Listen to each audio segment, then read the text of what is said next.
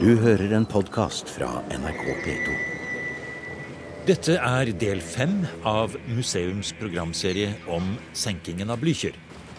Blücher som vrak heter denne episoden, sendt første gang i påsken 2015.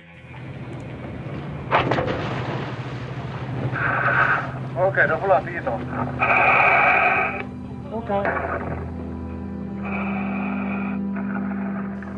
Det vi hører her, er dykkere på vei ned til vraket av Blücher. Opptaket er fra 1990, da Blüchers ankere skulle heves. I dag kan ingen dykkere gå ned på vraket av Blücher. Det er strengt forbudt og krever en rekke tillatelser fra vernemyndighetene etter at Riksantikvaren i desember 2014 vedtok midlertidig fredning og satte i gang arbeidet med full fredning av både Blücher og slagskipet Tirpitz, som ble senket ved Håkøya utenfor Tromsø i november 1944. Dette programmet er del fem av en liten serie av historiske klipp fra Radioarkivet, som vi sender her i P2 i påsken 2015, som et apropos til opplesningsserien av Alf R. Jacobsens bok om senkingen av Blücher 9. april 1940. I dag er temaet selve vraket av Blücher, som fortsatt ligger på en fjellhylle på en dybde av 62 til omtrent 90 meter ved Askholmene i Drøbaksundet. Vi skal også møte havets skraphandler, Einar Høvding, som kjøpte og eide alle tyske vrak på havets bunn fra krigens dager. Og vi skal få et spennende gjenhør med et lite utdrag av et hørebilde Nils Nordberg laget med skuespiller Even Stormoen i 1985. Der får vi en dramatisering av den, vi får vel nesten si sjøforklaringen, eller stridsberetningen, som kaptein José Erich Heimann reiste til Berlin og avla for den tyske overkommando en ukes tid etter at Blücher hadde gått ned. Men først 3. mai 1990. Det er stor medieinteresse for en større dykkeroperasjon i indre Oslofjord. Man skal forsøke å heve Blüchers ankere. TV, aviser og radio er til stede, og begivenheten dekkes fra minutt til minutt. Har du noe tid å angi hvor det muligens vil skje noe? Over. Ja, du, det vil ta en god stund nå pga. at eh, man har løftet opp en viss høyde, viss lengde opp. Og så ankeret, det ene ankeret i hvert fall, de henger i vannet. Og eh, man er nede nå med denne fjernstyrte undervannsbåten for å sjekke hvordan den ligger, og er på vei nå videre nedover for å se hvordan kjettingen ligger videre. Det som skal skje etterpå, er at man skal gå ned og skjære av kjettingen der nede. Så du kan ikke regne med at uh, ankeret vil komme opp til overflaten på et par timer i hvert fall. Det var reporter Marianne Mikkelsen i Østlandssendingen som i juni 1990 laget den reportasjen som vi har hentet noen klipp fra her. Tore Eriksen i Oscarsborgs festnings venner. Det er en stor operasjon dette her, og den har eh, blitt utsatt eh, gang på gang. Klarer dere dette i dag? Det vet vi ikke. Undervannsarbeidet det er alltid Det er inkludert en del spenning i det, og vi sjanser jo selvfølgelig på at det går bra. Det bør helst gjøre det da, med alle disse båtene med massevis av pressefolk og kringkasting om bord. Det ville være litt ergerlig ja, hvis vi skulle stå uten uh, Blykers i kveld. I time etter time svermet et titalls båter rundt hovedaktøren Oslo-krana i Drøbaksundet i går. Om bord var journalister og fotografer fra norske medier, Bildzeitung og andre interesserte, som f.eks.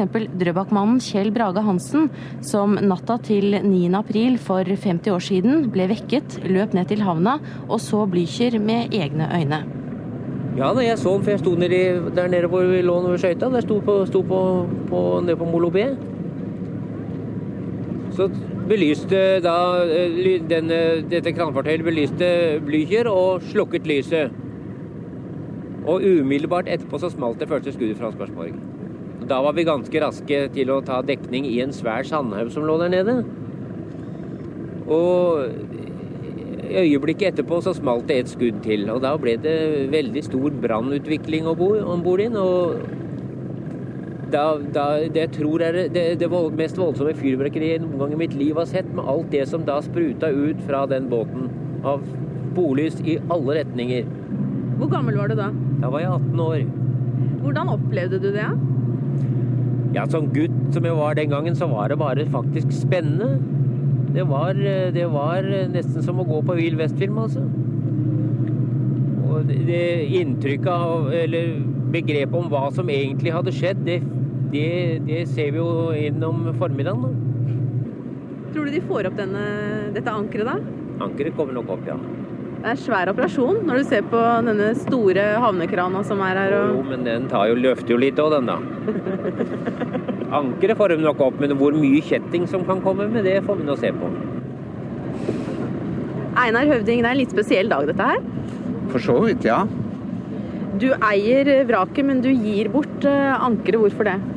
Ja, jeg syns når festningen var ute, eller disse vennene da, til Oscarsborgs festning var inne på tanken å finne noe til vraket, så foreslo jeg kjetting og anker og eventuelt et hovedbatteri.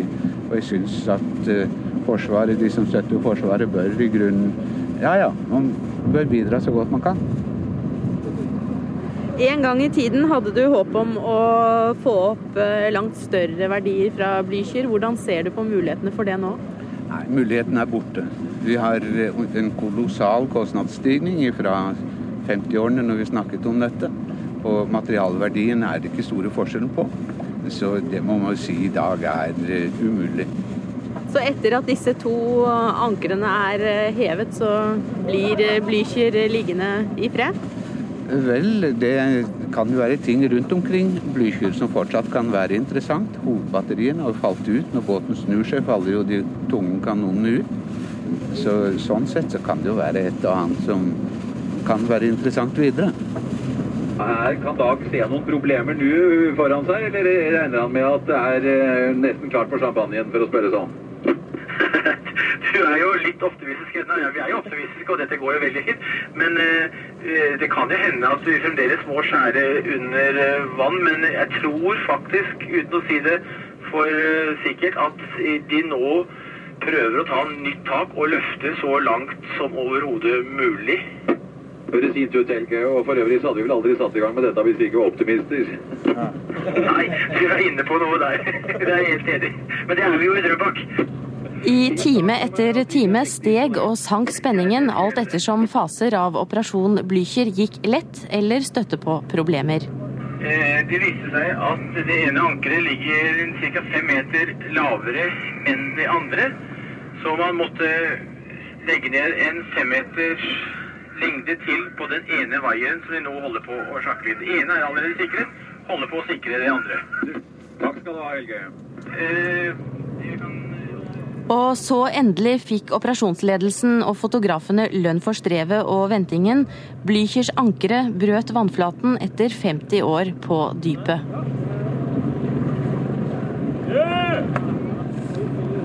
Ja, Øystein Øystein, det gikk til slutt? Ja, det gjorde det. Det tok tid, og det ble surt, men jammen lyktes det. Når vi ser de to ankrene nå som henger uh, i Oslo-krana, de er kanskje litt mindre enn uh, en vi hadde trodd, eller hva? De er vel kanskje det. De veier vel en syv-åtte uh, tonn hver, de, men allikevel. Man forestiller seg kanskje at det hadde vært enda større uhyre som hadde blitt heist opp fra dypet. Men et verdig minnesmerke i Drøbak blir det? Det skal det bli, og det skal vi prøve å få klart til 9. april.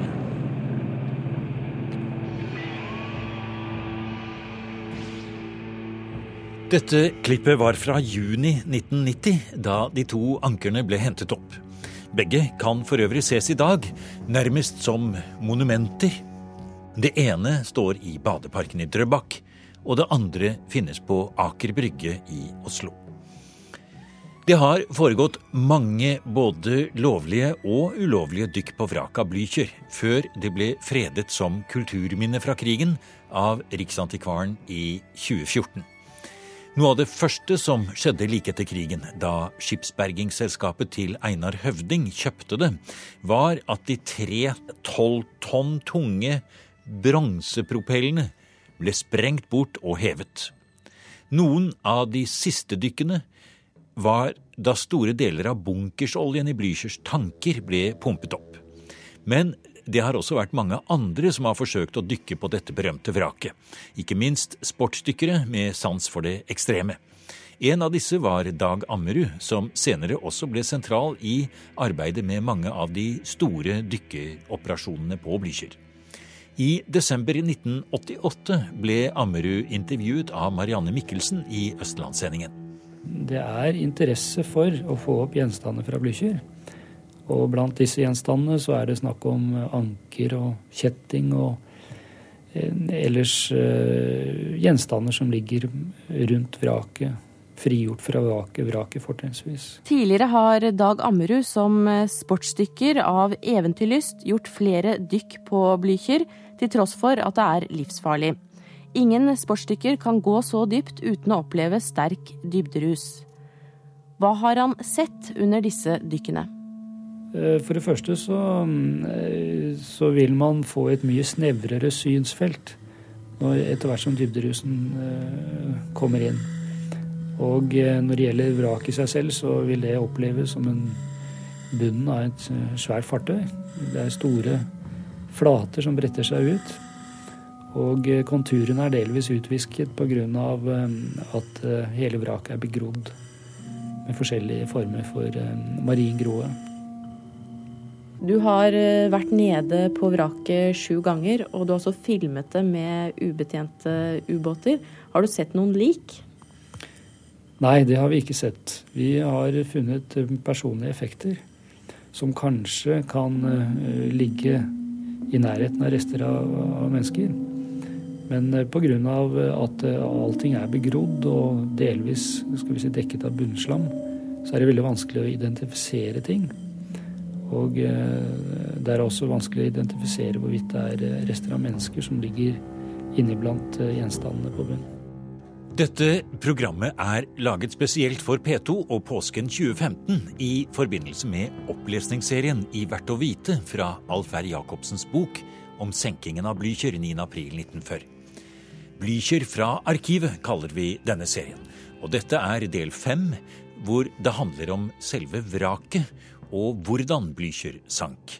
Helt til slutt har vi hentet fram noen klipp fra et hørebilde dramatisert i 1985 av Nils Nordberg. Der får vi høre utdrag fra den tyske sjøforklaringen i Berlin. Men først fortsetter vi litt til med vraket og mysteriene rundt det. I programmet Havets skraphandler i 1988 intervjuet Marianne Mikkelsen Einar Høvding fra Høvding skipsopphugging. Da jeg hørte at uh, Tirpitz var senket, så var det noe som jeg liksom uh, kunne forestille meg å, å, gå inn for. Å begynne å arbeide med vrak og gjenvinne store verdier som var gått tapt da, under krigen. Det sier Einar Høvding, mannen som eier hundrevis av vrak langs norskekysten. I 1956 inngikk han en avtale med staten som ga ham rettighetene til all fiendtlig eiendom til havs, skip og last, for vel 65 000 kroner. Hvordan greide han å få til en slik avtale? Det var vel litt ut ifra at uh, Man kan vel kanskje si at den uh, mest aktive perioden med vrak så for første omgang var over. Og så dreide det seg om veldig mye som man ikke hadde greie på. Og for liksom også en slags eh, opprydning i det hele. Og samtidig som fra min side var det selvfølgelig et hovedargument at vi ville sikre oss beskjeftigelse fremover. Og da selvfølgelig også kanskje håpe på visse overraskelser i ting som ikke var kjent. Før du inngikk denne avtalen med staten i 1956, så hadde du jo allerede skaffet deg rettighetene til mange enkeltvrak. Det gjelder da f.eks. det vraket som det er størst interesse for akkurat i dag, nemlig Blücher i Drøbaksundet. Ja, Blücher ble jo en naturlig efterfølger til uh, Tirpitz. Og uh, Tirpitz var jo liksom virkelig ideen for, og grunnlaget for uh, virksomheten. Og da var det jo naturlig også å gå inn for Blücher. Det viser seg imidlertid at han var kjøpt allerede av, av eh, to, eh, to, menn i Oslo, Ringnes og Stoltenberg. Men de solgte den igjen til meg, for de har vel nærmest kjøpt den på en slags bøk. Du har lagt eh, planer om heving av Blücher eh, i flere omganger. Hvorfor lyktes det aldri? Det er jo det første rekke spørsmål om økonomi. Det var et tilløp til å få det hele til i 52, Koreaboomen. Og det var meningen at det kunne balansere. Vi forsøkte noe lignende i 1960. Og, men da var omkostningene allerede steget til 16 millioner, som ville overstige verdiene av fartøyet. Så det måtte altså subsidieres på et eller annet vis, og det regnet vi ikke med var mulig. Og i dag vil det være så dyrt at det har ingen spesiell hensikt. Det kan ikke balansere. Blücher. Vraket av den tyske krysseren som ledet invasjonsflåten mot Oslo i 1940, ligger på havbunnen ved Askholmene i Drøbaksundet. Båten ligger skrått opp ned. Akterenden hviler på en fjellhylle på 65 meters dyp, mens baugen stikker ned i havbunnen på nesten 90 meters dyp. For sportsdykkere er det farlig å dykke så dypt. Likevel har et titall av dem gjort det i årene etter krigen. Ingen har til nå klart å ta seg inn i vraket. Den viktigste grunnen til at Blücher måtte gi tapt, var at det oppsto en kraftig brann om bord. Det forteller tidligere kommandant på Oscarsborg, Paul Holst Røst. Og eh, hvis man skal si omtrent eh, hva som foregikk på Blykjør, så når den fikk torpedotrefferne, så sto den jo i brann. Til de grader i brann. Etter torpedotrefferne så falt maskinene ut.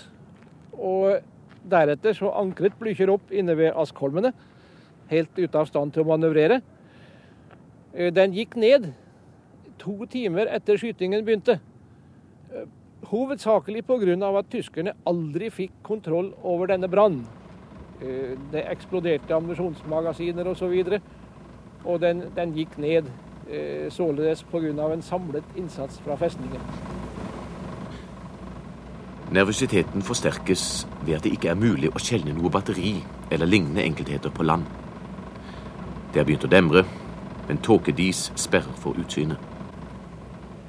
Klokken 5.19. Spenningen utløses ved det første 28 cm skudd fra Oscarsborg batteri. Det kommer fra babord forut, avstand ca. 500-600 meter, på skrå nedenfra, går over den fullt besatte broen og treffer den viktigste artilleristasjonen. Nesten hele personalet på stasjonen blir gjort kampudyktig. På broen merker vi et sterkt lufttrykk, og splinter flyr omkring. Kommandanten gir straks tillatelse til å åpne ild her er vi midt inne i en spennende dramatisering av den rapport kaptein Ziazé, Erich Heimann, måtte ta den tunge veien til overkommandoen i Berlin for å avgi. Blücher var tapt, og planene i Operasjon Weser Ybung var sterkt forpurret. Den norske kongefamilien og ledende politikere var på flukt. Starten av felttoget hadde mistet sitt overraskelsesmoment. Det hadde vært store tap på tysk side, og den topp moderne krysseren Blücher lå på bunnen av Oslofjorden. En katastrofe. Noen måtte forklare seg. I 1985 kom den legendariske Dagsnytt-sjefen og mangeårige NRK-mannen Per Bøhn over et arkivmateriale som kunne kaste nytt lys over hvordan denne stridsberetningen kan ha foregått.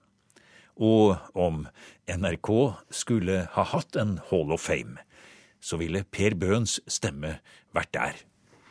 Planen var enkel og dristig.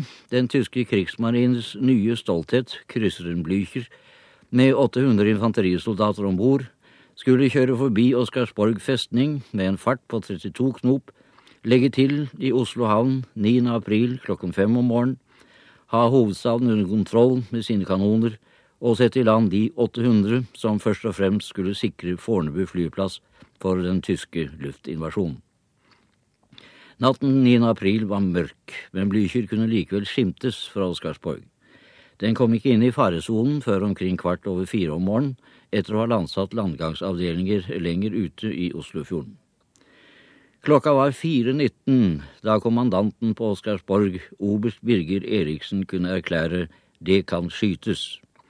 Formuleringen var militært meget korrekt. Etter en instruks som gjaldt allerede før første verdenskrig, var betingelsene for å åpne ild til stede. Fremmede krigsskip i det som var norsk krigsfarvann, som ikke ga seg til kjenne og ikke svarte på signaler, da kan det skytes, for å si det enkelt. Kommandørkaptein Heimann var nestkommanderende på Blücher. Sjefen, kommandør Voldag, gikk ikke ned med Blücher, som skrevet står noen steder, men omkom ved en flystyrt en ukes tid senere. Den rapport han skulle skrive om Blüchers siste reis, ble derfor skrevet av Heimann. Den er ikke hemmelig, men lite kjent. Heimann orienterer også om Blüchers utstyr, prøver og øvelser før den starter toktet mot Norge. Blücher hadde flere torpedojagere bak seg. Hvorfor ble ikke en av dem sendt inn i Drøbaksundet foran Blücher?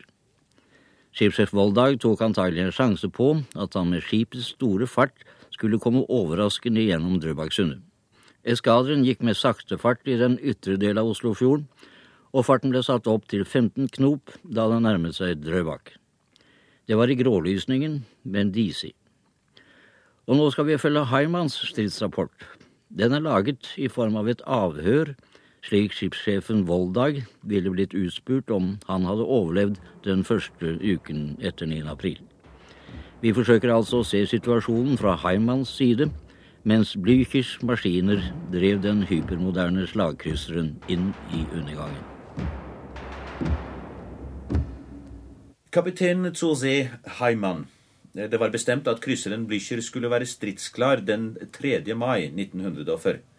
Den 7. april ble det på anmodning av Overkommandoen avgitt følgende melding. Krysseren Blücher er klar for enkeltoppgaver, men ingen skyting med skipsartilleri, ingen klartskipsøvelse, ingen lekkasjeberedskapsøvelse. Hvorfor fikk meldingen denne form? Nå vel Kommandant Voldags, og også min, hovedtanke var selvsagt at besetningen nå burde få delta i en krigsoperasjon. Besetningen hadde vært om bord i seks måneder og lengtet etter å bli brukt i en krigssammenheng. Men vi ønsket samtidig å påpeke at det fortsatt var visse mangler. Er det deres oppfatning at disse mangler kan ha vært medvirkende til det som skjedde natten 9. april? Nei, nei. Alt som hendte om bord, alle forholdsregler som ble tatt den natten, er senere blitt kritisk gjennomprøvet, og det ble ikke funnet noen grunnleggende mangler ved skipets forsvar som kunne være skyld i det som skjedde. Dessuten, i løpet av dagen den 7. april ble det holdt strids- og lekkasjesikringsøvelser. Det ble foretatt ildgivning under fart- og måløvelser. Jeg vil dessuten presisere at forskriftene for klart skip for alle våpen og avsnitt var ferdige. Vi kan dessverre ikke sende annet enn noen små smakebiter av denne glimrende dramatiseringen fra 1985 av Sjøforklaringen, med regi Nils Nordberg og med Even Stormoen som kaptein Syazé Erich Heimann. Vi går inn helt mot slutten og ser med Heimanns øyne det inferno som utspiller seg på dekk etter at begge torpedoene fra Oscarsborg har truffet, og Blücher nærmest driver framover mot Askholmene med en begynnende slagside. Det brenner overalt, brannen truer ammunisjonsmagasinene, og roret er slått ut. Slutten er uunngåelig. Man forsøker å løsgjøre ankerkjettingen for å la skipet drive nærmere land, men det mislykkes. Det er 300 meter til Askerholmene og ca. 400-500 meter til fastlandet. Storbrannen deler nå skipet i to. Det er ikke lenger noen forbindelse mellom for- og akterskip. Både forut og akter blir alt materiell som kan flyte, lagt til rette. På akterskipet har korvettkaptein Zygan ledelsen. Idet skipet krenger 45 grader, gir Tsigan ordre om å forlate skipet. På bakken sammenkaller jeg den del av besetningen og troppesoldatene som fortsatt kan nås, til en kort appell ved kommandanten. Kommandanten frembringer et trefoldig hurrarop for krysseren Blücher. Jeg frembringer derpå tre hurrarop for kommandanten og stridsgruppeføreren. Slagsiden øker betraktelig. Babord reling er allerede i vannet. Rundt midtskipet lekker ut kokende olje. Den brenner foreløpig ikke. Klokken 7.00 Kommandanten gir ordre til å forlate skipet. Samtlige besetningsmedlemmer og troppesoldater oppfører seg fremragende, mønstergyldig rolig og disiplinert. I mange tilfeller overlater soldater fra krysseren kameratslig oppofrende redningsvester til troppesoldater som ikke kan svømme. Du skal jo kjempe i land, kamerat. Men også troppesoldatenes holdning er uklanderlig. Offiserene må gi befaling om at de skal skille seg av med våpnene. Signalmenig heiser krigsflagget i stormasten. Med unntagelse av de sårede må hele besetningen og troppesoldatene forsøke å svømme i land. Det oppstår tap av liv i det kalde vannet. Oljen er kommet i brann, og en del soldater blir skadet av den. Kutteren, som har ordre om å vende tilbake etter å ha satt i land de sårede, springer lekk mot klippene. Admiral Kummetz, kommandant Voldag, andre ledende offiserer og jeg forlater skipet fra forbakken idet baugen går under. Klokken 7.32 befinner jeg meg svømmende ca. 200 meter fra skipet. Blücher har i kort tid ligget med 90, så med 100 og så med 110 graders slagside. Man har kunnet se det brennende overdekket i hele dets lengde. Nå kantrer skipet fullstendig.